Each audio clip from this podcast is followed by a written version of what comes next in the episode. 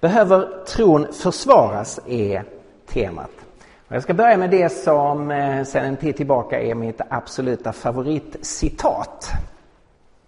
Det kommer från en kyrkohistoriker i Cambridge som var specialist på antiken, specialist på kristendomens framväxt. Och han ställde förstås den frågan som en historiker ställer. Hur i all sin dag kom det sig att kristen tro fick ett sånt enormt genombrott? Alltså om man tänker på utgångspunkten, de är 120 personer i Jerusalem. Det är geografiskt begränsat, man är i en stad. Det är etniskt begränsat, man är judar. Det är numerärt begränsat, man är en liten grupp människor. Hur i all sin dag kan man ta över romarriket? Ja, det är klart, de tar inte över, men det budskapet och de idéer, det de stod för, kom på förvånansvärt kort tid att bli den dominerande livssynen i västerlandet och sen bli världens största, eller i romarriket och sen bli världens största religion. Hur gick det till? Och det är klart en kristen kan säga så, ja det beror ju på att Gud utgöt sin ande. Och det är ett väldigt bra svar. Men en kyrkohistoriker kan, kan inte riktigt laborera med den kategorin. Så om man sätter det lite åt sidan och tittar, ja, men kan man säga någonting mer? Vad var det som gjorde kristen tro så framgångsrik? Och hans svar är så här. Christianity was victorious because the early Christians outlived, outthought and outdied the world around them. Kristendomen var segerrik därför att de tidiga kristna outlived, det är det första. De levde på ett nytt och överlägset sätt. Det handlar om kärleken. Det fanns någonting nytt i deras gemenskap, men det var också något alldeles speciellt att man brydde sig om de som stod utanför den egna gemenskapen. Detta kommenterar de antika författarna. Vad är det med de kristna? Därför att man såg att de kristna hjälpte slavarna, lyfte kvinnans situation, tog hand om barnen som andra hade övergivit. När pesten och plågorna drog fram i romarriket och de som hade möjlighet flydde städerna för att sätta sig i säkerhet, så stannade kristna kvar för att hjälpa dem som inte kunde hjälpa sig själv. Det fanns en kärlek som man inte hade sett tidigare. They outlived världen omkring dem. För det andra, they outthought. De hade ett överlägset tänkande. Det de trodde på var sannare, rikare och de kristna använde tanken. De var kontinuerligt involverade i samtal och dialog och debatt med synagogan och de judar som inte accepterade Jesus som Messias. De var involverade i dialog och debatt med den romerska myndigheten som hade massor med olika synpunkter på den nya rörelsen. Och de var i dialog och debatt med filosoferna i sin tid. Och de vann de dialogerna och de debatterna.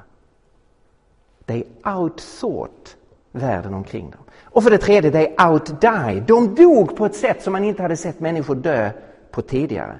Ni vet en makthavare som har en, en grupp i sitt, inom sitt rike som man inte tycker om, som man vill hålla tillbaka. Då gör en makthavare så här att man sätter press på den gruppen. Man börjar använda våld, man fängslar, man plågar, man torterar. Ytterst sett, ytterst sett så dödar man människor som tillhör den gruppen. Och det det, det går ut på, sorry, jag har fel sorts öron. Jag är inte vän med den här micken. Okej. Okay. Det det går ut på det är ju att makthavaren säger om du inte förnekar detta så tar vi ditt liv. Men det funkade inte på de kristna. Därför att de levde för någonting större än sitt eget liv. Och de dog på ett sätt man inte hade sett människor dö på tidigare. Om vi skriver om det här så handlar detta ju om diakoni, kärlek, om apologetik, det som den här helgen ska handla om, och om det kristna hoppet. Att leva för någonting större än ens egen existens just nu tycker det här är oerhört vackert. They outlived, they outthought, they outdied världen omkring dem. Ska kristendomen komma tillbaka med full kraft i västerlandet igen så är jag övertygad om att dessa tre aspekter måste finnas med. Du kan säkert nämna fler men det här tillhör det som är avgörande, som är viktigt. Och nu ska vi den här helgen zooma in på det som är i mitten där, apologetiken, det kristna tänkandet, den kristna sanningen. Det här är en oerhört vacker bild över Europa. En, eh, en satellitfoto från NASA. Europa upplyst av stadens ljus. Ni ser Stockholm, det lyser ganska väl där. Man kan ta detta som en, en metafor, en bild på det urkristna budskapet som spreds under de första århundraden runt romarriket och som sen gradvis spreds längre och längre norrut. Som på 700-800-talet kom upp här till vikingaland. Och så har vår kultur varit kristen i närmare 2000 år. Vårt land har varit kristet i mer än tusen år. Evangeliets ljus tändes i land efter land efter land i det som vi idag kallar Europa. Och från Europa sändes sedan evangeliet ut över världen till andra kontinenter. Och utifrån missionen till andra kontinenter så är det ju så här att vi lever i den tid som är den mest framgångsrika tiden någonsin för evangeliet. Det har aldrig sett bättre ut för Guds rike i världen än det gör just nu. Guds rike, den kristna kyrkan, växer explosionsartat i Sydamerika. Växer explosionsartat söder om Sahara i Afrika. Växer explosionsartat i delar av Asien, inte minst i Kina. Det är en enorm framgångsperiod för Guds rike. Men med ett stort undantag. Nämligen Europa. Om du har fantasin med dig så kan man kanske föreställa sig att ljuspunkt efter ljuspunkt efter ljuspunkt slocknar. Därför att evangeliets ljus håller på att blåsas ut från vårt land och från vår kultur. Det här är en av de mest förvånande och märkliga historiska skeendena. Att Europa dräneras på kristen tro. Det här är en, en artikel från The Spectator, en, en engelsk kulturtidskrift. 2067, slutet på engelsk kristenhet. Så man vill skaka om läsaren. 2067 försvinner den sista kristna från England. Hur i all sin har man kommit fram till det? Ja, man har gjort så här. Man tittar på utvecklingen mellan 2001 och 2011.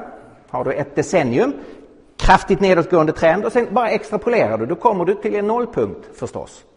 2067. Ja, det är inte så det går till. Det är klart det kommer att finnas kristna i England 2067. Men det är ju ett sätt att säga siffrorna går åt fel håll. Vi har en negativ utveckling. kan man bli förvånad och säga, ja men jag känner till härliga växande församlingar i England och det gör jag verkligen. Ja visst så är det. Det finns underbara exempel på församlingar som växer och Guds rikes framgång. Men den stora bilden är ändå det här. Det gäller samma sak i Sverige. Det finns fantastiska, härliga exempel på människor som kommer till tro, församlingar som växer. Och samtidigt så är det inte den stora bilden. Den stora bilden, också i vårt land, är någonting annat. Svenska kyrkan, det största samfundet i Sverige, de är jätteduktiga på all form av statistik. Så här ser det ut om man inte tar, om man inte tar eh, medlemskap, för det är en lite speciell sak i Svenska kyrkan. Om man tar det som är, kan signalera lite mer av andlig överlåtelse, nämligen gudstjänstbesök söndag förmiddag. Söndagens huvudgudstjänst. 1990 så under ett år var det sammantaget över 9 miljoner gudstjänstbesökare söndag, huvudgudstjänsten i Svenska kyrkan. 25 år senare hade det mer än halverats. Då var det 4,2 miljoner. Alltså, för att citera en av biskoparna, en kollaps av gudstjänstlivet i Svenska kyrkan. Det betyder ju inte att det inte finns församlingar i Svenska kyrkan som växer och, och där det finns ett härligt andligt liv. Men den övergripande bilden är ändå så här.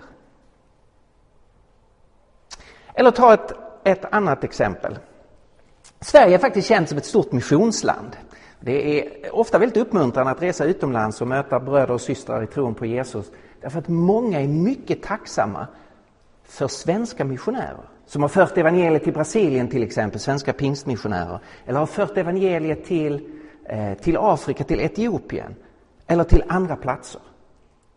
Med tanke på vilket litet land och hur relativt få vi har varit som befolkning i Sverige så har Sverige varit ett stort missionsland. Det kan man se på statistiken, att vi har en härlig missionsstatistik. Det ser ut så här. nu följer jag Svenska missionsrådet. Det här är siffrorna för de, eh, det sammanlagda antalet officiellt utsända missionärer i Sverige, samtliga samfund, alla kyrkor.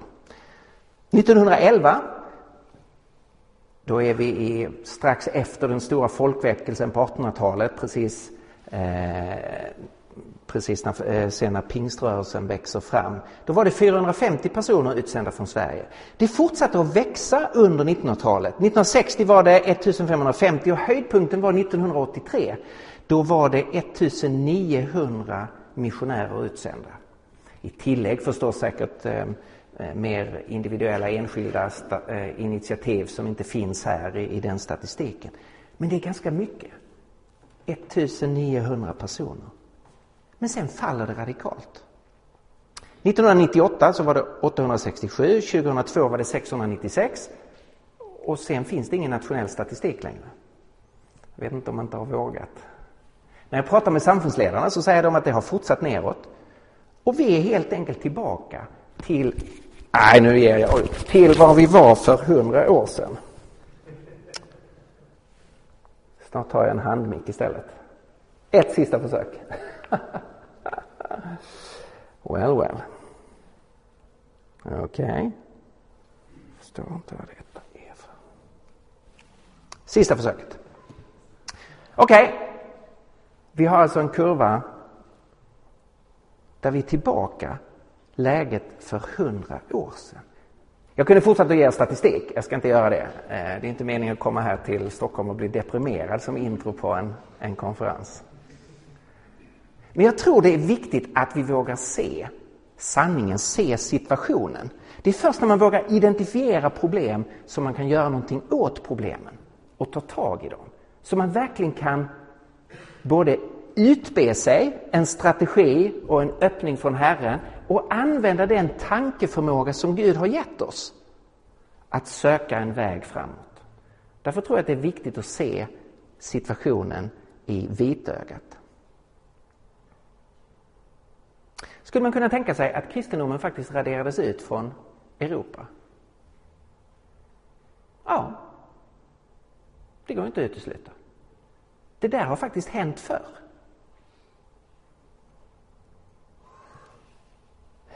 Om man tittar på Muhammed och de efterföljande kaliferna under 600 och 700-talet så sker det en mycket snabb muslimsk expansion och det sker i tidigare kristna områden. Hela Nordafrika och eh, Turkiet. Islam kommer från, och för övrigt stora delar av Mellanöstern där det fanns kristna en muslimsk expansion som drev bort huvuddelen av de kristna. Detta skedde med våld, med militär medel, med förtryck.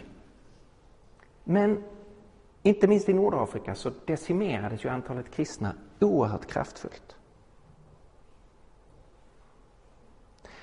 Om man tittar i, om man tittar i Kina, kulturrevolutionen, som pågick mellan 1966 och 1976 så drev Mao Zedong igenom en fruktansvärd revolution där han offrade miljoner av människor för det stora projekt han hade som gick under parollen Förstör de fyra gamla.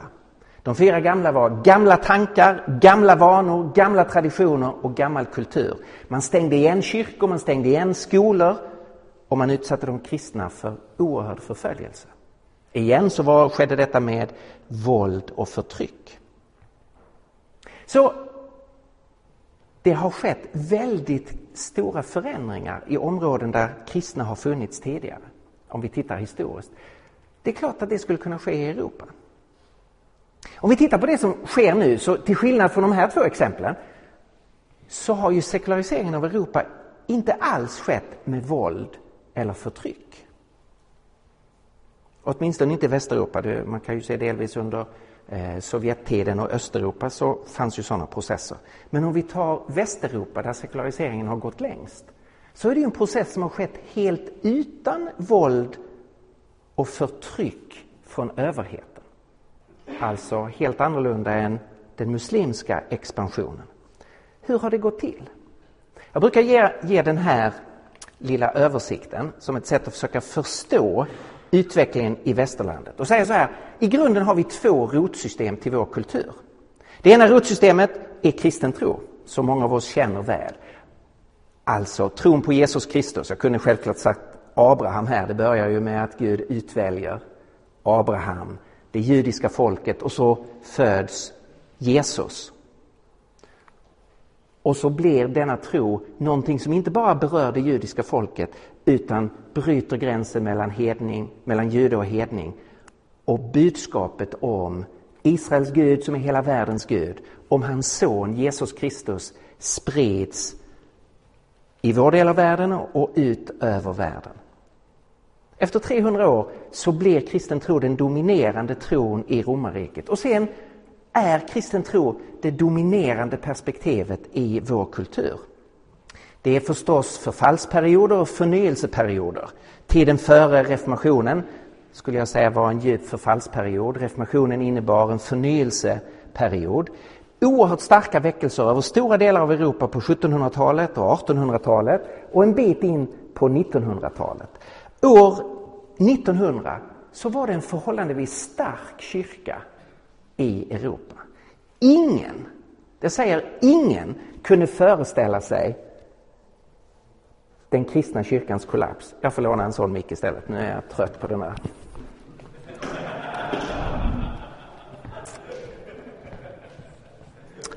Okej, okay, nu ska vi se. Är den igång? Yes, nu kör vi så här istället. Okej. Okay.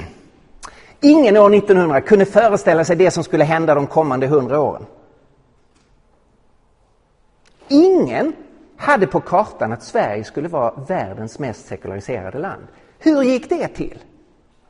Det här är ju en jätteviktig fråga att fundera på. Sverige var år 1900 ett land där det varit starka väckelser. Nya väckelser skulle komma med pingströrelsen. Det skulle bli en församling i varenda stad i Sverige, en nationell väckelse. Vi skulle sända missionärer ut över hela världen. Ingen föreställde sig att vi skulle vara världens mest sekulariserade land. Hur gick det till? Ja, det är förstås en komplex process med flera olika faktorer. Men en väsentlig faktor är detta. Att det finns ett annat idésystem i vår kultur som har sina rötter tillbaka i bland de gamla grekerna, humanismen, där utgångspunkten inte är en skapargud utan där utgångspunkten är människan. Med Protagoras ord, människan är alltings mått. Utgå inte från Gud, utgå från människan. Utgå inte från en uppenbarelse från Gud utan utgå från människans förnuft. Humanismen finns hos de gamla grekerna före Kristus. I samband med renässansen på 1400-talet så börjar man plocka upp vissa delar av det antika arvet. Man läser källorna på grundspråk, man blir fascinerad av att kunna bejaka den här världen eftersom kyrkan delvis hade varit världsfrånvänd. Så en del kristna plockar upp i och för sig viktiga eh, delaspekter från humanismen. Och så kommer det som är det avgörande. Under upplysningen så väljer den intellektuella eliten i vår kultur att byta rotsystem. Att inte längre utgå från Gud utan utgå från människan. Och det är detta idésystem som har tagit över. Det är det som har hänt. Att det som en liten grupp människor tänkte på 1700-talet, en del intellektuella, filosofer, konstnärer, några vetenskapsmän, det har idag blivit defaultläget, majoritetsuppfattningen, det har gradvis tagit över vår kultur. I vårt land så är det en speciell figur som spelade en stor roll. Den här processen har pågått över hela västvärlden. Eh, men den är kanske starkare i vårt land än i nästan alla andra länder. Och det har bland annat med den här mannen att göra, Ingmar Edenius, professor i filosofi i Uppsala, som skrev en bok som heter Tro och vetande, som under 50-talet startade den största livsåskådningsdebatten sedan reformationen i Sverige. Han var nära vän med Herbert Tingsten som var chefredaktör för Dagens Nyheter. Och de två bildade ett formidabelt team. Professor i filosofi i Uppsala, chefredaktör för DN, två ateister som beslöt sig för att attackera gudstron och inte minst den kristna kyrkan. Ingmar Hedenius gav ut boken Tro och vetande. Vid hundraårsminnet av eh, hans födelse så var det en artikel i Svenska Dagbladet där man diskuterade betydelsen av tro och vetande och Ingmar Edenius. Så här skrev Johan Lundborg. Att säga att den, boken Tro och vetande, slog ner som en bomb är ingen överdrift. Hedenius blev ateisternas apostel nummer ett och de, och de hudflängda teologerna fick huka sig i bänkarna. Hedenius och Tingsten, alltså DNs redaktör, hade tillsammans riggat den mediala segern och utan tvekan vann Hedenius det retoriska slaget i stor stil. Teologer och biskopar fick springa gatlopp. Så det här hade väldigt stor betydelse när det gäller hela inställningen till kristen tro. Sen gör Johan Lundberg en intressant kommentar. Smolk i bägaren var möjligtvis att Hedenius inte fick något som helst understöd från sina filosofiska professorskollegor som istället blottade svagheten i hans argumentation. Men denna diskussion exponerades inte medialt. Alltså, han hade egentligen ingen förödande kritik av kristen tro. Men det var alldeles för få som avslöjade svagheten hos Hedenius. Han vann så att säga felaktigt.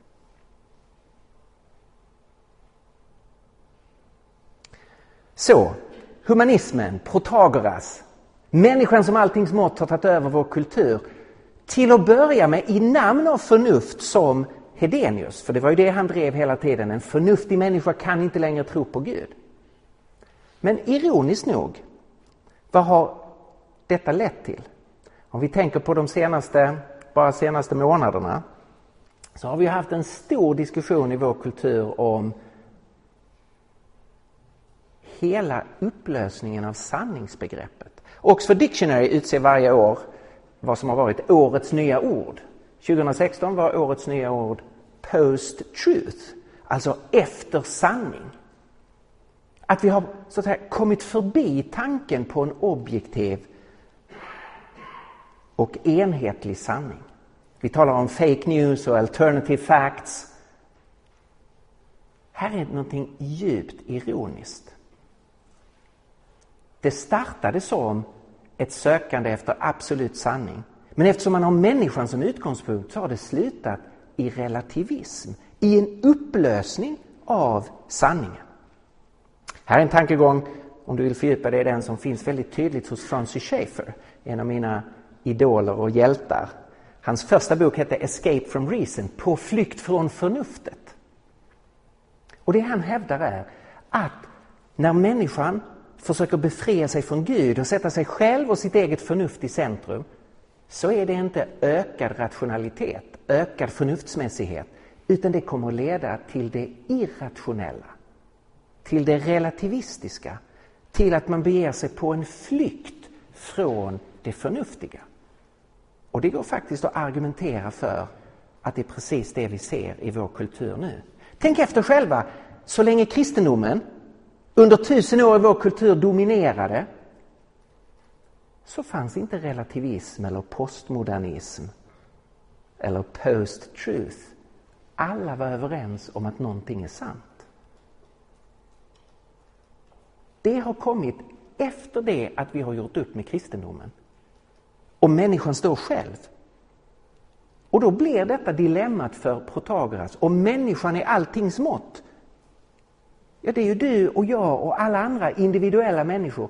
Och då har man gjort av med grunden för sanning. Men hur i all sin dag har det här låter ju väldigt abstrakt och teoretiskt. Vem bryr sig om några upplysningsfilosofer på 1700-talet eller Ingmar Hedenius? Eh, liksom, hur tar det över en hel kultur? Det har med flera olika saker att göra, men inte minst med utbildningsväsendet i Sverige att göra. Jag har massor med gånger gjort, eh, under 10-15 års tid, frågat så här ett, ett auditorium, jag har ju stått inför tusentals människor, och frågat om du tänker på din skolgång. Skulle du säga att skolan, det offentliga utbildningssystemet i Sverige, att det är positivt eller neutralt eller negativt i relation till kristen tro? Och det är klart, det överväldigande svaret jag har fått är ju att utbildningen inte har varit positiv, inte neutral, utan har varit negativ till kristen tro. Min lilla mm, amatörundersökning bekräftades för ett och ett halvt år sedan av en doktorsavhandling i, vid Göteborgs universitet. Där en forskare hade undersökt just vad är attityden i skolan från lärare, från elever, i läromedel. Hur diskuterar man Gud, kristen tro och religion? Och ni ser rubriken när eh, humanistiska fakulteten presenterar den här doktorsavhandlingen. Lärare och elever talar ofta om religion som något föråldrat och främmande. Jag läser ur doktorsavhandlingen. Under observationerna var det slående att mycket av klassrumstalet präglades av upplysningsidéer och perspektiv på den historiska utvecklingen och på religion som hämtar sin inspiration i denna idétradition. Utifrån den sekulära berättelsen framstod vissa saker som självklara och obestridliga. Till exempel förekom en uppfattning om tid där historien ses som en linjär evolutionär utvecklingslinje som innebär att mänskligheten utvecklas från lägre till högre utvecklingsstadier och där religion framställs som en föråldrad kvarleva. Alltså ett utbildningssystem som säger förr trodde vi på Gud, nu är vi sekulära. Innan vetenskapen tänkte vi så, nu tänker vi så. Och så förläggs kristen tro till det där som var tidigare. Det som vi har utvecklat oss eh, bort ifrån. Jämfört med tidigare generationer så går vi ju, befinner vi oss under oerhört lång tid i utbildningssystemet. Bara någon generation tillbaka, om jag tar mig själv som utgångspunkt, så var det många som gick, man gick sex år i folkskola. That's it, och sen var de ute och jobbade. Idag så går ju alla 12 år. Väldigt många går 15 eller 20 år i utbildningssystemet. Under sina mest formerande år befinner man sig i ett utbildningssystem som har den här attityden till tro. Här har ni en, inte den enda, men en viktig förklaring till sekulariseringen. Hur kunde humanismen ta över vår kultur? Det har med utbildningssystemet att göra och på senare år har det förstås också väldigt mycket med media att göra. Det här innebär att den som är kristen hamnar under en väldig press. Att växa upp om man har sin bakgrund i en kristen familj eller en kristen församling och så växa upp i det här landet, det innebär att man kommer under press. Man kan säga så här, om du har fantasin med dig. Man tänker sig att man växer upp i en kristen familj och finns i en kristen församling. Då är det så att man får höra en, en röst som genom ens uppväxt säger så här. Det finns en Gud. Det finns en Gud som har skapat dig. Det här livet är meningsfullt. Det är viktigt att vara människa. Någon vill att du ska finnas. Gud älskar dig. Tro på honom, följ honom, lita på honom. Han vill dig väl, han har en plan för ditt liv. Och han är full av nåd. När du gör fel, det finns förlåtelse. När du faller i synd, det finns upprättelse. Han har bevisat sin kärlek för oss där i att Kristus dog för oss medan vi ännu var syndare. Det finns förlåtelse och försoning. Läs hans ord, han har talat till oss. Be till honom, han lyssnar. Han svarar inte alltid som du har tänkt dig, men han svarar. Det är meningsfullt att be. Du inser ditt sammanhang som är mycket större än ditt eget liv. Det finns en fortsättning bortom döden. Det finns ett hopp. Okej, okay, fantastisk röst, fantastiskt perspektiv på livet. Underbart! Okej, okay, den ena rösten. Men sen finns man i världens mest sekulariserade land. Man går i ett utbildningsväsende som är djupt sekulariserat och hävdar humanism. Och då får man under hela sin uppväxt höra en annan röst. Den säger så här. Nej, det finns ingen Gud. Sorry. Det finns ingen Gud. Det där är bara en myt, en förhoppning, en tom önskan. Det finns ingen Gud. Det enda som finns är universum. Energin och materien som denna tillvaro består av. Finns ingen tanke, inget medvetande. Det är en slump att vi finns. Att du finns, att jag finns. Ren tillfällighet. Gör det bästa av ditt liv så länge du har det. En dag är det borta och då... Allt slocknar, finns ingen fortsättning. Du kan ju inte läsa en gammal bok från antiken. Du kan ju inte låta dig styras av Alltså, jag, vet det finns, finns en och annan fin tanke i, i den här boken men det, det är ju skrivet av människor som inte hade en aning om det vi vet idag om universum. Det är ju att förnedra sig själv att binda upp sig till, en, till myter och legender från antiken. Ja, det är klart det kan hjälpa och, och psykologiskt att be. Det är ju som om man har ett problem och så går man och bär det för sig själv och sen till slut delar man det med en vän och då pyser det ut lite psykisk energi. Det är en befrielse. Ja, ja visst så är det väl med bön. Det, men det är ju ingen som hör. Det är bara att du lurar dig själv. Du pratar med taket. Det finns ingen som hör. Okej. Okay. där är den andra rösten? Ganska stark, ganska ihållande men tecknar ett helt tomt perspektiv på livet. Men backar, backar upp det med att det skulle vara det mest förnuftiga och ofta implicerar att det är det vetenskapliga sättet att se på livet. Vad gör det med en person som växer upp med ena rösten där, den andra rösten där? Man blir ju helt förstörd. Då skapas det som psykologer kallar för kognitiv dissonans. Dissonans är ju när två toner inte passar ihop, när det skär sig. Kognitiv det har med tänkandet att göra. Det uppstår kognitiv dissonans, tankarna skär sig. Och psykologiskt har vi en inbyggd tendens att befria oss från kognitiv dissonans. Det gör ont. Så man måste få bort den ena tonen för att kunna omfamna den andra mer helhjärtat. Den ena tanken för att omfamna den andra mer helhjärtat.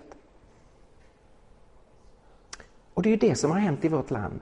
Massor med människor har valt att kasta bort tanken på Gud för att istället omfamna sekulariseringen. Det här är ju som att, stå med en fot i en båt och den andra foten i en annan båt. Och så glider de isär. Nu kan jag inte precis förevisa någon form av spagat men det, det som händer här det är ju att situationen blir mer och mer ohållbar. Och, och det är inte kognitiv dissonans, det är ju dissonans i skrevet. Man måste göra någonting! Och du bara måste flytta över så du har båda fötterna i samma båt. Och det är ju det som har hänt i vår kultur, att massor med människor har flyttat över så de står med båda fötterna i sekulariseringens båt. För de har inte fått någon hjälp att flytta över båda fötterna och stå tryggt i kyrkans skepp. Man har inte fått hjälp att kunna helhjärtat bejaka evangeliet också tankemässigt. Hoppas ni inser vad jag håller på att göra. Jag försöker svara på frågan. Behöver tron försvaras? Ja! Det gör den. Vi lever i ett av världens mest kristendomskritiska länder. I en kultur som under 200 år gradvis och efterhand allt snabbare har vänt sig mot den kristna tron. Och där Hedenius och andra har kommit undan därför att de har inte mött verkligt motstånd för de idéer som de har presenterat. Tron behöver försvaras. Och det är ju det som, det är ju det som apologetik handlar om. Det är ju det som apologetik handlar om. Och det är det som jag vill försöka säga någonting om då. Vad borde vara vår respons? Det tragiska är ju att så lite av kyrkan har gett en apologetisk respons på den här utvecklingen. Apologetik. Ehm, jag har en, en, numera en, ehm, en av mina mejladresser är, eh, är apologetik.se. Jag pratade nyligen med någon, eh, jag kommer inte ihåg vem det var, det var någon i telefon som skulle försöka reda ut vad som skulle ha min mejladress, någon myndighetsperson som uppenbarligen inte visste vad apologetik var, det kan jag säga. Ordet apologetik kommer från ett grekiskt ord, apologia. Det finns 18 gånger i Nya Testamentet. Inte om du läser en svensk översättning, för det översätts inte med apologetik. Det översätts med att försvara eller svara. Ehm. Men det finns 18 gånger. Det återkommer på många sidor i Nya Testamentet. Det har sin bakgrund i det grekiska rättsväsendet. Där man precis som i ett modernt rättsväsende fanns en åklagarsida som la fram en anklagelse, det kallas för en kategoria. Och sen fick försvarssidan lägga fram ett försvar. Det kallas för en apologia. Att försvara, i det här fallet då sin, eh, sin oskuld, att man inte är skyldig till brottet man anklagas för. Så många ord så har det sen en, en lite vidare betydelse, inte bara att juridiskt försvara sig i en domstol, utan det betyder också att svara för sig rent allmänt, att ge svar på tal, att reda ut hur någonting ligger till, att förklara någonting, att motivera någonting. Och jag tycker att den kanske enklaste definitionen av apologetik, det är att förklara och försvara kristen tro. Kristen apologetik, det handlar om att förklara och försvara kristen tro. Det har ju då två, två moment. Att förklara, det handlar ju om innehållssidan. Vad menar vi när vi säger Gud? Alltså tre bokstäver. G, U, D. Vad menar vi? Är det en gubbe på ett moln? Är det en opersonlig energi? Vad menar vi med Gud? Vi måste förklara innehållet. Och sen måste vi försvara, det handlar om sanningshalten. Varför ska vi tro på Gud sådan som Bibeln beskriver honom? Varför ska vi tro att, att Gud är just Fader, Son och Ande, en personlig Gud som är en relation i sig själv? Så vi behöver förklara innehållet och försvara sanningshalten. Det är vad apologetik handlar om. Och det här är vi ju uppmanade att göra utifrån eh, Nya Testamentet. Det mest kända ordet om apologetik är ju första Petrusbrevet 3, vers 15 och 16. Eh, och där det står i vers 16, var alltid beredda att svara. Där har du apologia, ett av de ställena där ordet finns. Var alltid beredda att svara var och en som kräver besked om ert hopp. Det står ett annat ord på grekiska som man kan förstå även om man inte förstår grekiska. Som kräver besked där står det logos. Alltså som undrar över logiken. Hur hänger det ihop, det som du tror på? Var alltid beredda att svara var och en som kräver besked om ert hopp. Så aposteln Petrus uppmuntrar oss till apologetik. Paulus är kanske den som ger mest utrymme åt den här dimensionen. I Filipperbrevet säger han så här, jag är satt att försvara evangeliet. Där har ni apologia. Han såg det som en, verkligen som en kallelse. Jag är satt att försvara evangeliet. Och han mötte ju kritik i sin samtid. Från judar som förnekade att Jesus var Messias. Från romare som hade sina olika uppfattningar som de menade omöjliggjorde evangeliet. Och Paulus fick försvara evangeliet. Han säger i, det där första var Filipperbrevet 1, eh, vers 16. I Filipperbrevet 1, vers 7, så bara ett par verser tidigare, så säger han så här. Att jag försvarar och befäster evangeliet. Jag försvarar, där står apologia, och befäster evangeliet. Jag läste lite kommentarer, eh, liksom, eh, NT-experter som kommenterar det här kapitlet, Filipperbrevet. I en ny kommentar så skriver man så här om detta ställe. Försvarar och eh, befäster. Det innefattar alla hans, Paulus, ansträngningar att avväpna fördomar och övervinna invändningar. Det är en aspekt av Paulus apostoliska arbete där han försökte bekräfta sanningen av evangeliet genom bevis, vittnesbörd och rätt fram proklamation. Han försvarar och befäster evangeliet. Försvarar det mot angrepp utifrån och befäster det. Visar dess, eh, dess sanning. Försvarar, det är ju när det kommer kritik utifrån. Befäster, det är när man tittar på själva tron. Är den stabil?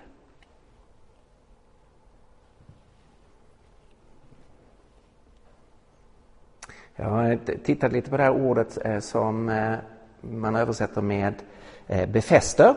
Det grekiska ordet finns på, på ett antal ställen i, i Nya Testamentet, i Hebreerbrevet. Då översätts det så här.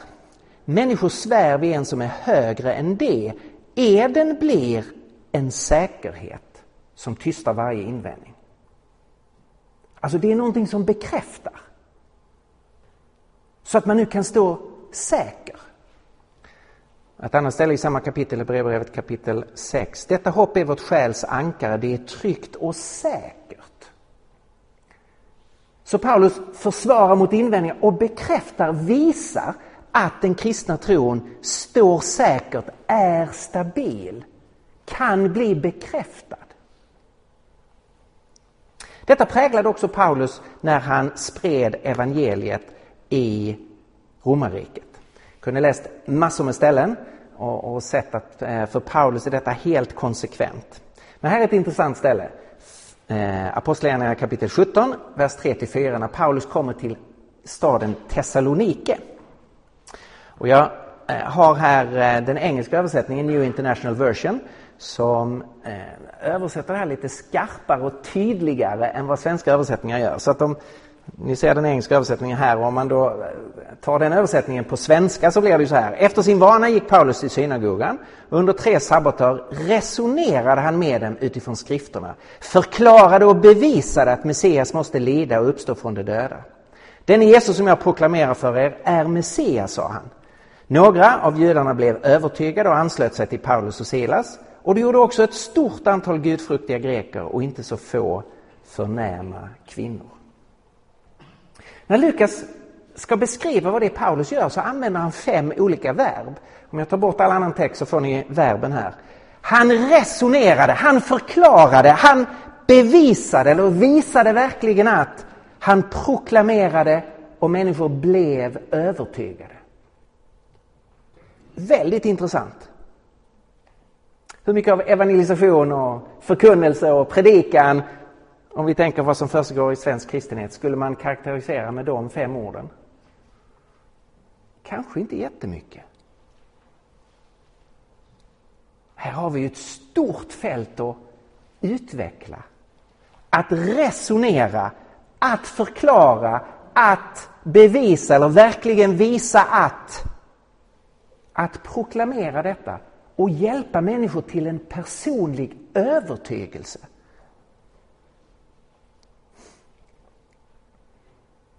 Det är också väldigt intressant att se hur Paulus eh, i det här stället, hur väl medveten han är om hur människor tänker och hur, eh, hur logisk han är i sin presentation. Han samtalade med dem utifrån skrifterna, det är fortfarande Apostlagärningarna kapitel 17.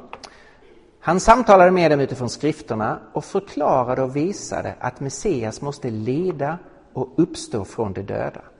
Notera att han kommer inte in i synagogan och säger Jesus är Messias. Alltså Jesus från Nasaret är Messias. Alltså Jesus, den korsfäste Jesus är Messias. Det kan han absolut inte säga, det är helt meningslöst. Därför att huvuduppfattningen bland judarna i hans samtid var att Messias skulle komma segerrik och besegra den romerska ockupationsmakten. Då går det inte att säga att det är Jesus som romarna har dödat är Messias. Det är att motbevisa sitt eget budskap. Därför gör Paulus något annat. Han säger inte Jesus är Messias. Han säger vi är överens om skrifterna. Vi är överens om att skrifterna utlovar Messias. Låt oss göra ett studium för att se vad säger skrifterna om Messias? Och så visar han utifrån skriften. Så bevisar han utifrån skriften att Messias inte bara ska komma segerrik, han ska först göra det oväntade att lida för sitt folks synd och sedan uppstå. Och det är först när han har visat att samtiden har en felaktig Messiasuppfattning som han kan introducera Jesus. Så han argumenterar i två steg. Han börjar med att klargöra Messias roll och sen presenterar han Jesus som denna utlovade Messias som skulle lida och sen uppstå och sen ska komma segerrik och ställa allt till rätta.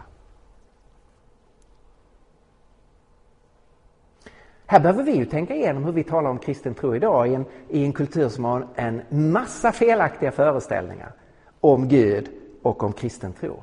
Och vi måste försöka reda ut hur vi kan göra en logiskt sammanhängande presentation in i den här kulturen som vi är en del av. Så Petrus sysslade med apologetik, Paulus sysslade med apologetik och det är alldeles uppenbart att Jesus sysslar massor med apologetik. Jag brukar visa den här statistiken. Eh, det är ju enkelt nu när man har bibelprogram, man kan ta reda på allt när det gäller statistik och, och eh, ordanalyser och så. Om du i Bibel 2000 tar de fyra evangelierna och så söker du på ordet frågade så dyker, dyker det upp 145 gånger. Om du söker på ordet svarade så finns det 275 gånger. Alltså Jesus stod inte på en piedestal och förkunnade. Jo, han förkunnade också, han gick till synagogan och predikade, han proklamerade Guds rike. Men huvuddelen av sin tid använde Jesus i dialog och samtal och debatt. Tänk efter själv, evangelierna är i stort sett ett enda långt böljande samtal mellan Jesus och, och olika människor, individer och grupper och folkmassor.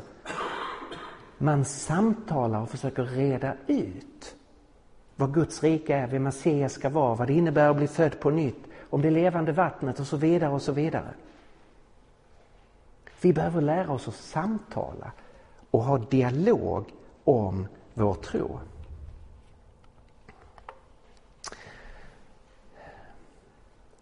Så länge kristen tro var majoritetstron så funkar det så här att för väldigt många människor så var tron till stor del en ärvd tro. Det kan fortfarande bli en personlig tro, men man hade väldigt hjälp av att sammanhanget, familjen, församlingen, skolan kanske och samhället som stort pushade en i en viss riktning. Och de flesta av oss människor, vi är ju sådana att vi följer med strömmen. Det är enklast att gå i den riktning som många andra går i.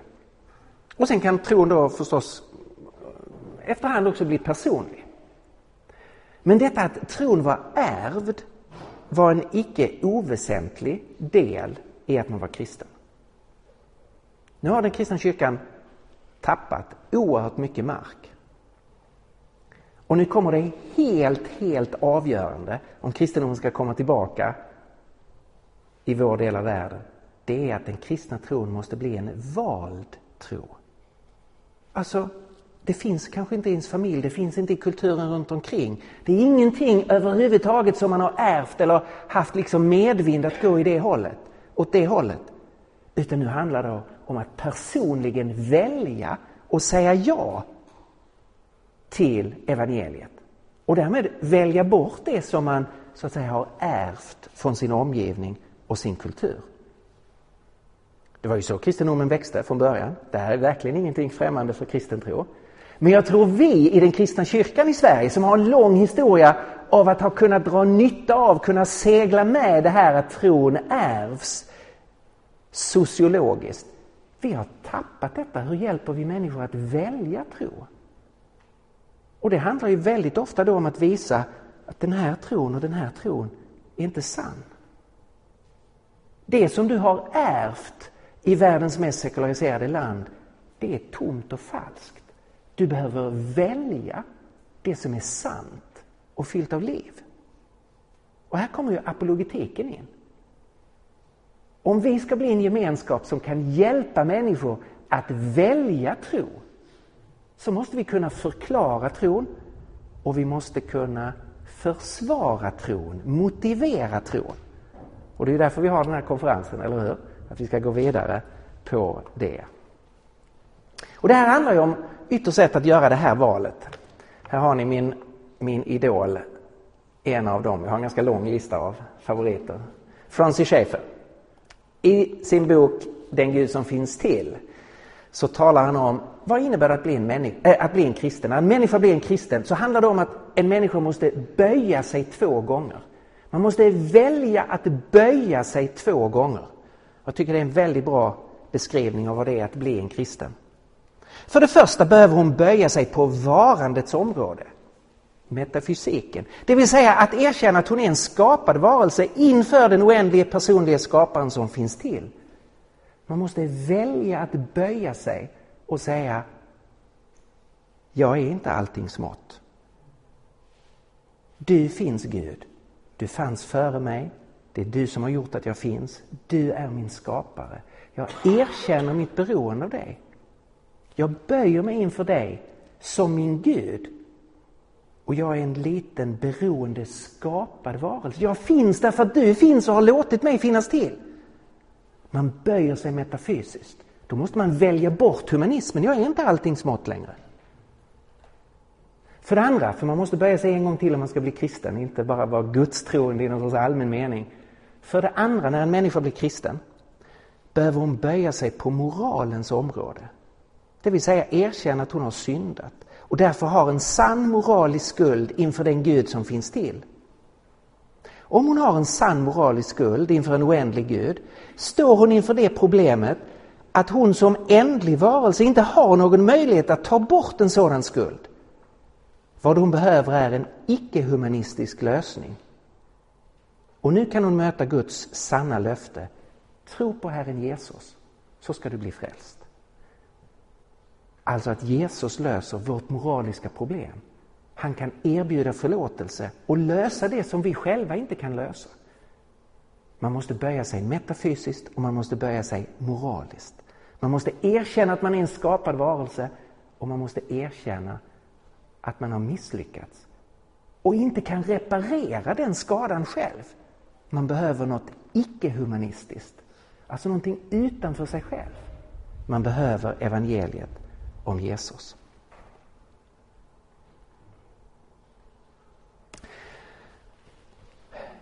Behöver tron försvaras? Yes! Och Gud har gett oss många olika verktyg. Och jag är själv väldigt entusiastisk och inspirerad inför det som håller på att ske. Jag tror att vi står precis vid tröskeln, vid en dörröppning inför något, något spännande i Eh, Guds rike. Från så många håll idag kommer det eh, förfrågningar om att få hjälp kring apologetik. Eh, och jag tror vi är i ett läge där vi skulle kunna börja långsiktigt, systematiskt och kvalitetsmässigt börja hjälpa församlingar att bygga upp en apologetisk kultur på en ny nivå. Att vi ännu mer än tidigare kan vara med och skapa en ny attityd i församlingen och bland kristna och kunna träna en ny generation. Funkar det? Ja, jag får massor med exempel på att det funkar. Låt mig bara eh, sluta med att ge ett par, eh, ett par exempel. Jag var på en, eh, en bibelskola för inte allt för länge sedan. Jag hade en hel förmiddag om apologetik. När förmiddagen var slut och, och, och eh, vi, skulle gå, eh, gå på lunch så jag sa tack så mycket för den här förmiddagen. Så var det en, en tjej där som bara släppte pennan och slog ut med händerna och sa Varför har ingen sagt det här förut? Hon syftade inte på att vi skulle gå till lunch, utan utan apologetiken. Och det visade sig när jag pratade med henne att hon hade funnits i en församling i hela sitt liv. Eh, hon var lite över 20 år. Hon hade aldrig hört ett ord om att man kan tänka och argumentera och försvara den kristna tron. Den hade bara tagits för given och man hade inte kopplat den till det här området av livet. Varför har ingen sagt någonting om det här förut? Och för henne var det en stor befrielse att se att man kan använda också huvudet i relation till kristen tro. Jag var på en resa nyligen eh, och under samma helg så kom två helt olika personer med olika eh, livshistorier Eh, kom fram eh, och ville tacka mig och sa Och båda sa faktiskt precis samma sak. Jag har läst dina två böcker om Skeptikerns guide till Jesus. Alltså historisk undersökning av evangeliernas trovärdighet och historisk undersökning av Jesu identitet och Jesu uppståndelse. När jag började läsa böckerna var jag inte kristen. När jag kom till slutet av del två hade jag blivit en kristen. Så Herren använde det för att väcka tro och dra in människor i sitt rike. Så jag tror vi ska vara väldigt uppmuntrade här att för många kristna innebär detta en befrielse att få se, åh, man kan ta med sig huvudet också som kristen. Och Herren använder det för att dra in människor i sitt rike, i evangelisation, att det väcker tro. Här är en annan av mina hjältar, John Stott. Sista citatet. Antiintellektualism och andens fullhet är ömsesidigt uteslutande eftersom anden är sanningens ande. Man kan inte vara antiintellektuell och räkna med att man skulle vara, uppleva andens fullhet. De här två sakerna hänger förstås samman. Anden är sanningens ande och han vill inkludera och rena och upplysa och använda också vårt förstånd.